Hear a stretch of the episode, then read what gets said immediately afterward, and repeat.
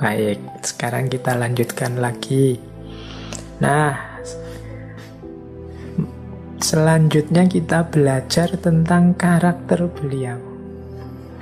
Jadi, di antara watak dan karakter beliau yang paling menonjol, yang bisa dicermati dari kisah-kisah tentang beliau, dalam catatan saya ada enam karakter yang menonjol sekali dari Syekh Ibrahim bin Adham ini. Yang pertama yaitu karakter suhud. Yang kedua karakter wirai warok. Yang ketiga khauf. Yang keempat saja'ah. Yang kelima ifah dan yang keenam, to'ah. Suhud itu berarti kondisi jiwa yang tidak lagi tergoda, tidak lagi terikat, tidak lagi tergantung kepada dunia. Itu namanya zuhud. Jadi orang zuhud itu ya sudah tidak tertipu dan tergoda lagi oleh dunia. Zuhud bukan berarti miskin ada beberapa sufi itu yang kaya raya. Tapi kekayaan tidak melekat di hatinya. Jadi kalau jiwanya sudah terbentuk dengan karakter suhud, ya meskipun hartanya banyak, meskipun punya fasilitas macam-macam, ya semua itu tidak melekat, tidak menggoda, dan tidak membuatnya lalai dari Allah. Ini mental seorang yang suhud. Meskipun kalau Syekh Ibrahim bin Adham ini ya suhudnya beliau memang benar-benar suhud karena beliau menjauh dari segala fasilitas duniawi. Beliau lebih sibuk dengan Allahnya, lebih sibuk berjalan menuju Allah, ingin dekat dengan Allah. Jadi orang melihatnya mungkin tidak punya apa-apa, miskin. Bahkan ada cerita beliau ini sampai untuk memenuhi kebutuhan hidupnya pernah bekerja jadi tukang kebun, pernah menjadi buruhnya tokoh ini dan lain sebagainya. Itu beliau meskipun awalnya jadi raja. Tapi memang beliau sudah berkarakter suhud begitu meninggalkan kerajaannya. Ada cerita menarik tentang awal mula bagaimana beliau ini suhud jadi ada cerita begini. Ini teman-teman bisa cari cerita ini di kitab Mawaid Usfuriyah. Ini kitab ini masyhur sekali di teman-teman pesantren. Jadi dalam Usfuriyah diceritakan, diceritakan satu ketika beliau ini berburu kemudian membawa sebungkus roti saat beliau istirahat ingin makan, begitu bungkus roti dibuka, tiba-tiba ada seekor burung yang datang dan menyambar makanannya, menyambar roti itu. Dikejar oleh Syekh Ibrahim bin Adham ini. Karena ini roti mau dimakan untuk istirahat kok diambil, dikejar terus. Beliau ingin tahu burung ini nanti buat apa kok ngambil roti dikejar terus. Ternyata burung ini terbang mengarah ke satu jurang jadi makin penasaran si Ibrahim bin Adham ini diikuti terus termasuk turun ke bawah jurang ternyata di bawah jurang burung ini sedang menyuapi seseorang yang sedang terikat. Sendirian jadi heran saya Ibrahim bin Adham ini. Kok bisa seekor burung mengambil roti dan diberikan untuk menyuapi orang yang sendirian terikat. Akhirnya ditolonglah orang ini oleh Syekh Ibrahim ditanya orang ini kok sampean bisa ada di bawah jurang sendirian orang ini jawab saya itu dirampok tapi oleh para perampok setelah harta diambil saya diikat dilempar ke dalam jurang tidak tewas tapi ya kesakitan sendirian tidak bisa apa-apa karena diikat Kata orang ini, selama tujuh hari saya di bawah jurang ini, saya makan dari burung gagak ini. Jadi burung ini datang selalu membawa makanan untuk saya. Nah, kejadian ini berkesan dalam diri Syekh Ibrahim bin Adham. Ternyata kalau memang kita pasrah kepada Allah, kalau memang hidup ini kita persembahkan hanya untuk Allah saja, dan kita yakin bahwa rezeki itu sepenuhnya diatur oleh Allah, tidak takut apa pun, insya Allah hidup kita lebih tenang. Kesadaran ini kemudian menguatkan niatnya Syekh Ibrahim bin Adham untuk keluar dari istana dan menjalani hidup yang zuhud dengan keyakinan tidak mungkin Allah tidak menyelamatkanku setiap jatah dan rezekiku pasti sudah ditetapkan oleh Allah. Ya, dengan keyakinan dan tawakal seperti ini, kemudian Syekh Ibrahim bin Adam mantap hatinya untuk lanjut hidup sebagai seorang zahid. Nah ini salah satu ceritanya dan ini nanti akan jadi karakter kuat yang mewarnai hidup Syekh Ibrahim bin Adham. Baik, ini gambaran watak kezuhudan dari Syekh Ibrahim bin Abham. Yang kedua, karakter beliau yang lain ya tentunya wirai, warok.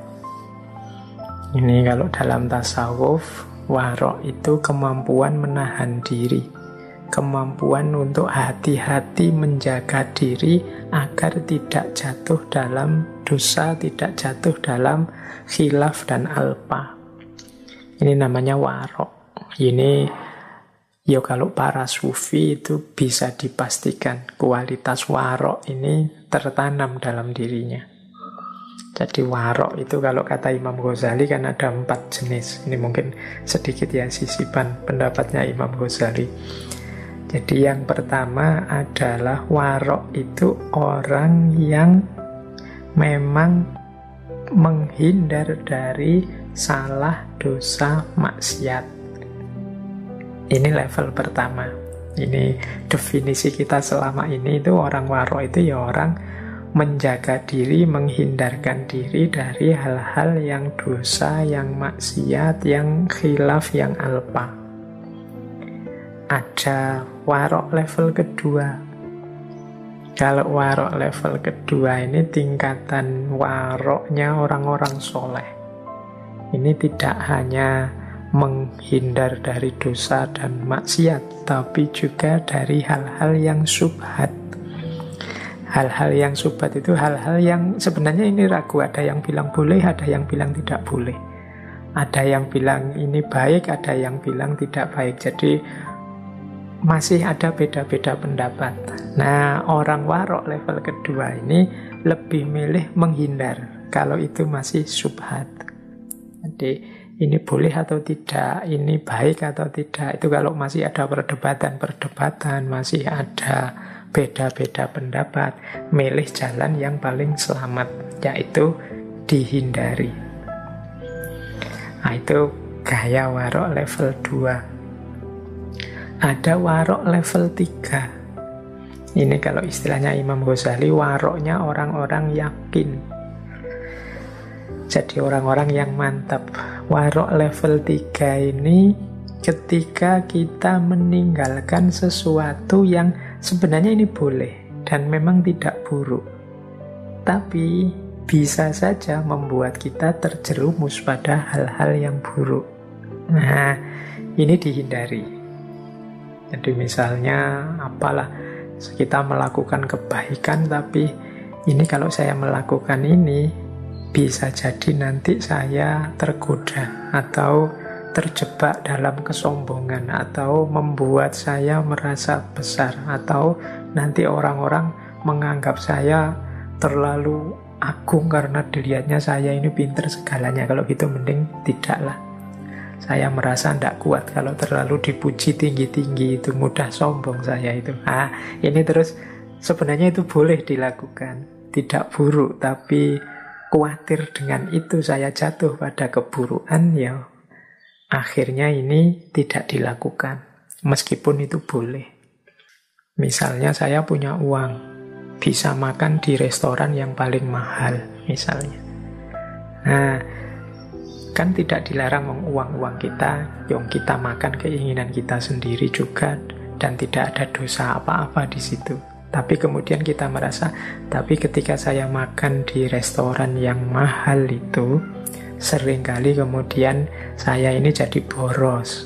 Saya ini jadi melakukan sesuatu yang tidak seharusnya, misalnya menyia-nyiakan makanan, misalnya dan macam-macam. Terus akhirnya, wah kalau gitu janganlah. Khawatirnya malah jatuh pada sesuatu yang buruk. Nah ini level warok yang ketiga. Ada warok yang keempat. Ini kelompoknya para sidikin, kata Imam Ghazali. Jadi kelompok sidikin ini menghindari segala hal yang tidak mendukung kita untuk taat atau dekat kepada Allah.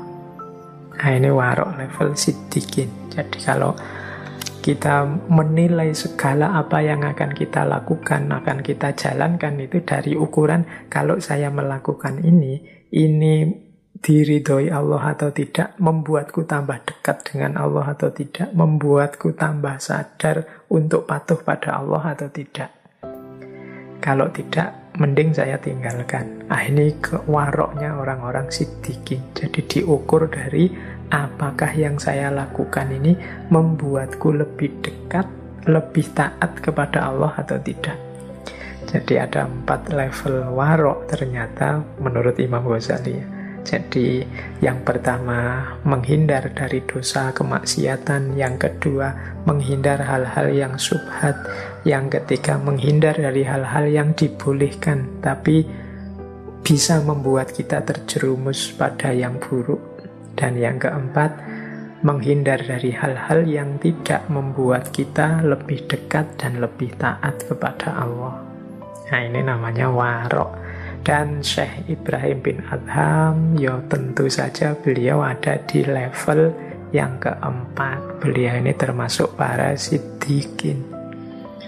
Ya kalau sekedar terhindar dari dosa dan maksiat mungkin sudah jadi karakter, sudah mendarah daging. Tapi beliau ini ada di level tidak akan melakukan sesuatu yang tidak membuat kita semakin dekat kepada Allah dan tambah taat kepada Allah. Mengapa harus pakai ini? Mengapa kok harus diukur kita tambah dekat atau tidak pada Allah? Ya karena rumusnya hidup kita ini kan Inna lillahi wa inna ilaihi roji'un. Jadi perjalanan hidup kita ini perjalanan kembali kepada Allah. Berarti apa? Rute hidup yang benar itu berarti yang semakin dekat kepada Allah. Karena kita akan kembali lagi kepada Allah. Berarti perjalanan hidup kita ini harusnya tambah dekat, tambah dekat, tambah dekat kepada Allah. Karena kita sedang berjalan ilaihi roji'un kok rasanya tambah jauh, kok malah Allah sering lupa dan lain sebagainya, ya kita harus evaluasi lagi hidup kita. Jangan-jangan kita ada di rute yang salah atau langkah kita jangan-jangan keliru harusnya menuju Allah atau malah kebalikannya. Nah, ini watak kedua. Watak dan karakter ketiga dari Syekh Ibrahim bin Adham itu adalah beliau ini masyhur sekali di kalangan para sufi punya karakter khauf, rasa takut kepada Allah yang besar sekali.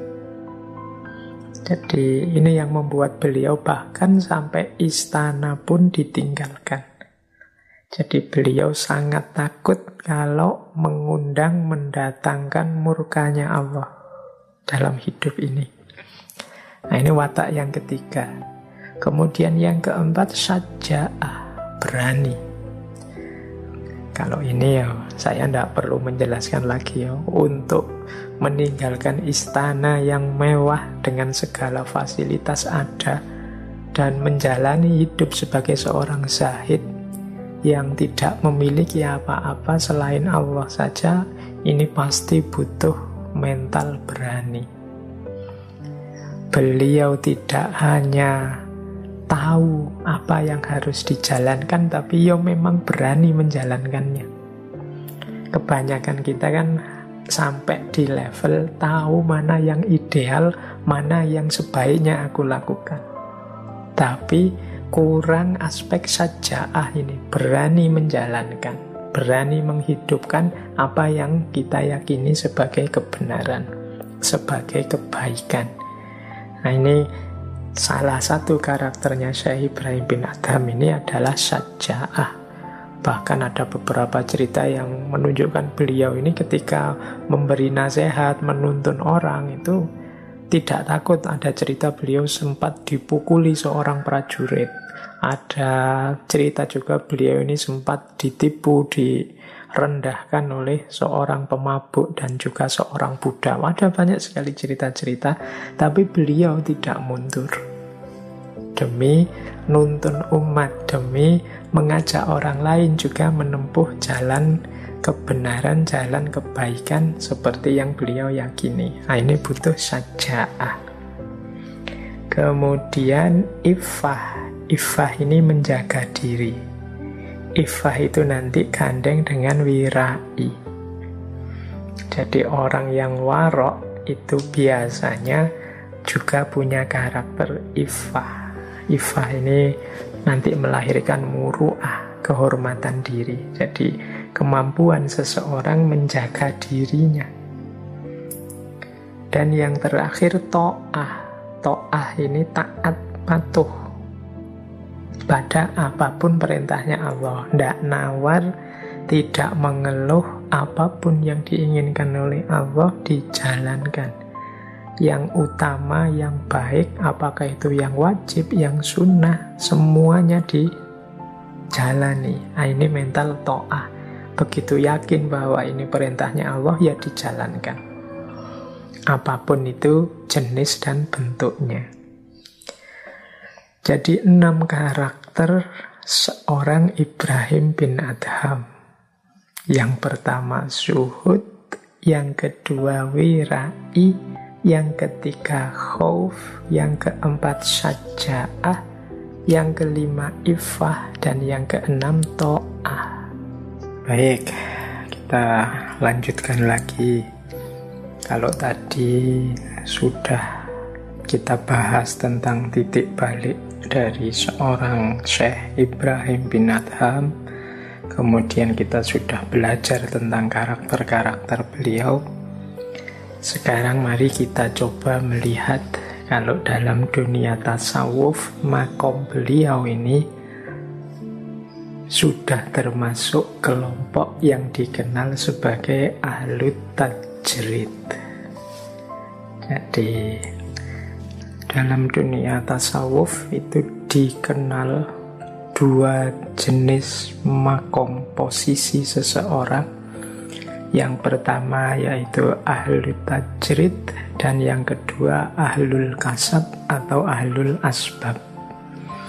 Ahlu tajrid ini ketika seseorang sudah total sepenuhnya meninggalkan keduniaan dan satu-satunya kesibukan serta orientasi hidupnya adalah Allah saja. Ini para ahlut tajrid.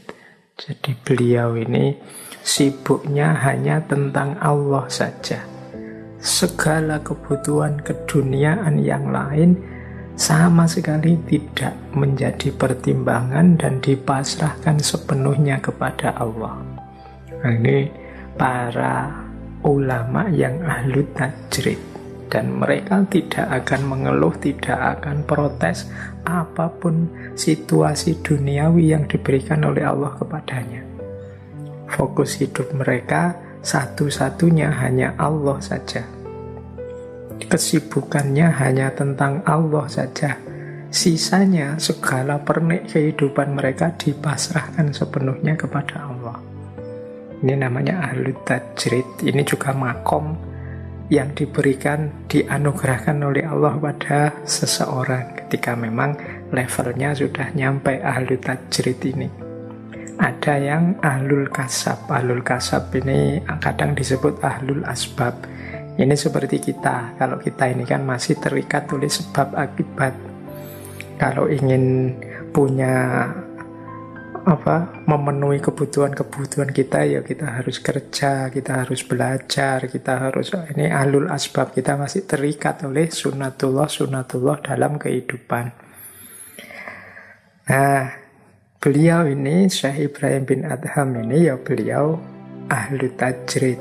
Maka nanti memahami nasihat-nasihat beliau, petuah-petuah beliau itu ya antara lain kita pahami dalam konteks beliau yang ahlu tajrid, orang yang memang sudah sepenuhnya mempersembahkan hidup untuk Allah saja. Sementara semua kebutuhan duniawinya dipasrahkan pada Allah, apa pun yang diberikan oleh Allah kepadanya. Dan ini tidak bisa pura-pura, tidak bisa gaya. Kita yang masih ahlul asbab, tidak bisa ngaku-ngaku ahlul tajrid.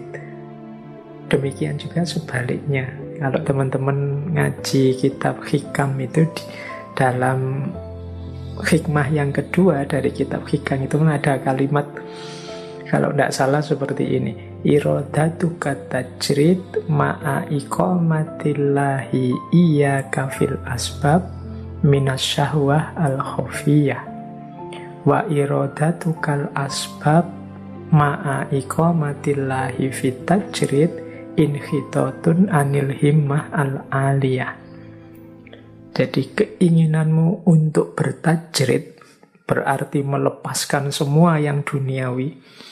Hanya untuk Allah saja. Ma'a iqamatillahi iya kafil asbab.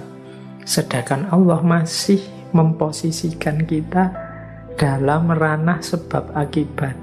Kita harus bekerja, kita harus mencari rizki, ada keluarga yang jadi tanggungan kita, dan lain sebagainya.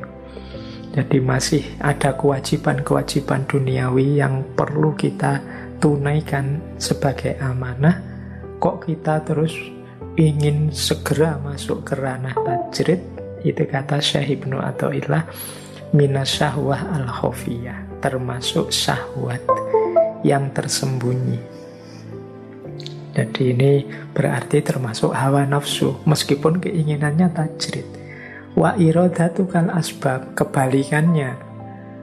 Ma, orang yang ing, masih ingin sibuk dengan hal-hal duniawi padahal oleh Allah sudah diberi anugerah tajrid loh sebenarnya. Orang ini harusnya makomnya sudah tajrid tapi kok masih sibuk dengan yang duniawi? Nah ini kata Syekh Ibnu Atta'illah inhitotun anil himmah al aliyah ini termasuk orang yang degradasi turun dari tingkatan yang tinggi. Sudah dianugerahi oleh Allah makom yang luar biasa kedekatannya dengan Allah harusnya dia menikmati asyik dengan kebersamaan dengan Allah itu malah menurunkan sendiri levelnya dengan menyibukkan diri dengan hal-hal duniawi yang tidak penting. Mungkin dengan cara ikut politik lah, mungkin dengan cara sibuk mendukung ini, sibuk menyerang itu dan lain sebagainya. Nah, ini berarti masih irodatukal asbab masih ingin terlibat dalam asbab. Padahal makomnya sudah tajrid.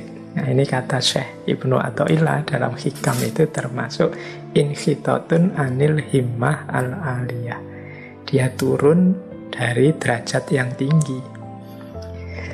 Nah Syekh Ibrahim bin Adham ini tentu saja beliau ada di makom tajrid. Bagaimana tidak, wong beliau ini raja yang jadi posisi tertinggi tapi tiba-tiba saja semua ditinggalkan dan tidak berat sama sekali. Itu pastinya anugerahnya Allah. Tidak mungkin upaya manusiawi sendiri bisa sedalam itu penghayatan dan kesadarannya. Nah, ini namanya anugerah ahwal dari Allah dalam bentuk makom tajrid dan meninggalkan asbab, meninggalkan hidup dengan logika sebab akibat. Meninggalkan itu bukan berarti sama sekali tidak ngurusi, tapi dipasrahkan semuanya kepada Allah saja. Jadi kalau dalam hidup sehari-hari teman-teman sering dengar orang bilang begini, ada apa-apa sedikit sudahlah serahkan saja pada Allah. Dia tidak mau ngapa-ngapain, so apa-apa diserahkan saja pada Allah. Disuruh protokol kesehatan, ya ah, kenapa takut? Serahkan saja semua pada Allah. Kan sering kita dengar kalimat itu. Ini benar kalau kita sudah ada di makom tajrid. Di makom yang sudah tidak terikat lagi oleh sebab akibat logika duniawi. Tapi kalau kita ini masih orang biasa yang masih butuh kerja, kasep, masih banyak tanggungan dunia, masih banyak amanah-amanah hidup yang harus kita tunaikan secara sunnatullah, ya kita tidak bisa tiba-tiba dijujuk semuanya pasrahkan saja pada Allah. Harus ada ikhtiar-ikhtiar duniawi yang kita lakukan. Wong kita makomnya masih asbab. Kalau ingin dapat air panas ya kita harus menggodok air sendiri. Kalau ingin dapat air dingin ya kita bikin es sendiri. Tidak seperti para wali. Kalau para wali ya kebutuhannya dicukupi dari Allah. Kalau dalam Al-Quran itu misalnya ada kisah Maryam yang hidupnya hanya di berkhulwat saja beribadah pada Allah tapi makanan datang dari langit. Nah, itu makomnya sudah tajrid, semuanya dicukupi oleh Allah. Tapi yang belum makom itu ya tidak bisa. Tidak bisa kok kita, Pak, saya tidak usah mikir kerja, Pak, saya pasrah sajalah hidup ini pada Allah. Tidak bisa, kita makomnya belum nyampe. Dan tidak bisa pura-pura atau gaya kalau kita masih asbab kok ngoyo ingin sampai level tajrid atau gayanya kayak sudah tajrid Nah itu kata saya Ibnu Ilah tadi kan ini namanya nafsu, hawa nafsu. Dan sebaliknya, semoga tidak ada yang orang yang makomnya sudah tajrid tapi malah menyibukkan diri dengan asbab hal-hal duniawi yang remeh-temeh. Ya, karena eman-eman orang yang sudah di makom tajrid ini harusnya jadi panutan, tuntunan kita atau jembatan kita untuk membantu kita dekat dengan Allah. Nah, tapi kalau beliau malah sibuk dengan hal-hal yang tidak penting, nanti an, kalau bahasanya saya Ibnu Athaillah tadi, inhitotun anil himmah al aliyah. Turun dari derajat yang tinggi. Ini persis ada cerita Syekh Ibrahim bin Azam dengan murid beliau sendiri. Yaitu Sufi Masyhur juga Syekh Syakik al-Balkhi. Syakik al-Balkh ini berarti sama-sama berasal dari Balkh. Kerajaannya Syekh Ibrahim bin Adam, tapi beliau ini muridnya. Kisah ini teman-teman bisa temukan misalnya dalam Risalah Al-Qusairiyah, kitab tasawuf dasar karya Imam Kusairi. Di situ ada cerita Syakik al-Balakh ini muridnya Syekh Ibrahim bin Azam, yo nanti beliau jadi sufi. Naik ke makom tajrid. Tapi sebelum itu beliau ini masih di level asbab. Beliau ini seorang pedagang ekspor impor yang kaya raya dari daerah Syam, Syria atau Suriah sekarang. Nah setiap kali Syekh Sakik ini dapat untung banyak selalu kemudian semuanya disedekahkan ya termasuk kepada gurunya. Nah, satu ketika Syekh Syakik ini minta izin sama gurunya untuk berangkat dagang karena memang sudah waktunya berdagang. Pamit beberapa minggu untuk tidak ikut kajian gurunya, beliau ingin berdagang. Tapi belum lama, baru tiga hari Syekh Sakik ini balik lagi, menghadap lagi pada Syekh Ibrahim bin Adam. Nah ini Syekh Ibrahim heran loh ini biasanya bisnis berminggu-minggu ini baru tiga hari kok sudah pulang. Nah bertanyalah Syekh Ibrahim pada muridnya ini wahai anakku ada apa engkau kok balik lagi? Syekh Sakik cerita wahai guru ini di tengah-tengah saya ber dagang di tengah perjalanan, satu ketika di tengah padang pasir, saya melihat ada seekor burung kecil yang lemah, sayapnya patah. Ya tentu saja karena sayapnya patah, dia tidak bisa terbang ke mana-mana mencari makanan. Tiba-tiba saya lihat dari atas, dari arah langit datang seekor burung yang besar. Membawa makanan di paruhnya. Burung tersebut datang dan menyuapi burung kecil yang sayapnya patah ini. Nah, ini heran Syekh Sakik ini melihat peristiwa ini. Terus kata Syekh Sakik selanjutnya melihat hal ini saya terus rasanya merasa bahwa ini petunjuk dari Allah untuk saya tidak usah capek-capek kerja. Kalau memang sudah rezekiku ya pasti akan datang. Jadi akhirnya Syekh saya tinggalkan semua dagangan saya. Saya bertobat ke masjid dan akhirnya balik lagi nih ketemu Syekh ini. Nah, terus dijawab oleh Syekh Ibrahim karena Syekh Ibrahim tahu saat itu muridnya ini makomnya masih makom asbab. Dia masih harus bekerja. Kata Syekh Ibrahim disindir muridnya ini, apa engkau menganggap bahwa dengan engkau beribadah saja dan meninggalkan usaha dagangmu, terus pasti engkau memperoleh ridhonya Allah. Jangan-jangan engkau salah membacanya petunjuk dari Allah itu engkau jangan membaca burung kecil yang patah tadi yang meskipun diam saja rezekinya datang harusnya engkau membacanya yang burung besar tadi loh yang memberi makanan burung kecil jadi sebenarnya Allah itu memberi petunjukmu untuk membaca burung besarnya berarti apa jadilah orang yang dermawan membantu yang lemah jadi memberi yang kekurangan. Jadi kamu malah membaca yang burung kecil. Harusnya yang kamu baca burung yang besar. Bukankah Rasulullah juga bersabda tangan di atas itu lebih baik daripada tangan yang di bawah. Jadi ya karena Syekh Ibrahim tahu ini muridnya ini ya belum makomnya belum saatnya tajrid dia masih punya banyak tanggungan, banyak tanggung jawab yang harus dipenuhi. Dan makom tajrid itu hakikatnya ya anugerahnya Allah, tidak bisa berdasarkan nafsu kita saja. Kita jalankan saja kewajiban kita, insya Allah kalau Allah ridho, maka akan datang situasi di mana kita tidak lagi merasa membutuhkan dunia sebagaimana Syekh Ibrahim yang setelah jadi raja tiba-tiba muncul kesadaran betapa fananya dunia dan dengan santainya meninggalkan semuanya dari baju kerajaan ditukar jadi baju gembala dan tidak berat sama sekali. Kenapa? Karena memang makomnya oleh Allah dipindah dari makom asbab ke makom tajrid.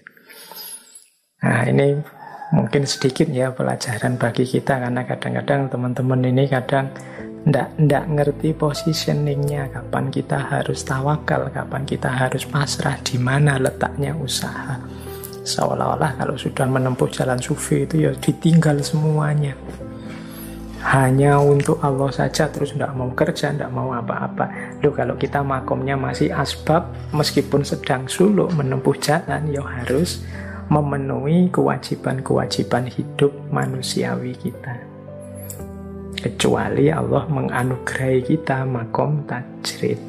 Jangan sampai kita yang sudah di makom tajrid malah ingin asbab atau sebaliknya yang masih asbab ingin tajrid. Dua-duanya keliru. Setiap orang harus paham posisinya masing-masing. Oke, baik. Ah, ambil nafas sebentar. Silahkan teman-teman yang mungkin ingin ambil nafas dulu, minum-minum dulu, nyemil-nyemil dulu yang sudah disiapkan cemilannya. Atau sudah ngantuk ingin tidur dulu dilanjutkan besok ya monggo. Wong ngaji ini ndak ada paksaan harus selesai tuntas dilanjutkan pelan-pelan juga tidak apa-apa atau kalau dianggap temanya tidak penting pak saya tidak tidak butuh tema-tema pembahasan seperti itu ya monggo ditinggal saja seperti saya bilang ngaji ini tidak wajib kok. Jangan sampai memaksakan diri ikut ngaji tapi tersiksa. Nah, nanti saya malah jadi sumber siksaan dalam hidupnya teman-teman. Tapi ya mari kita nikmati saja. Semampunya, sesantainya, selonggarnya. Wong dari dua jam saya bicara seandainya masuk lima persennya saja yang sedikit meningkatkan hidup kita itu saya sudah bersyukur luar biasa Alhamdulillah ternyata forum kita, kajian kita ini sedikit-sedikit ada manfaatnya Seandainya pun manfaat itu hanya untuk mengantarkan tidurnya teman-teman. Ini saya diberitahu Pak, saya itu sering kalau dengarnya ngajinya Bapak itu terus jadi ngantuk ingin tidur. Oh itu saya juga Alhamdulillah. Karena hari ini banyak orang susah tidur. Kalau manfaatnya ngaji kita ini banyak untuk membantu orang bisa tidur, ya Alhamdulillah. Wong tidur itu kan amanah, eh, anugerah dari Allah yang luar biasa. Banyak orang kesulitan karena tidak bisa tidur.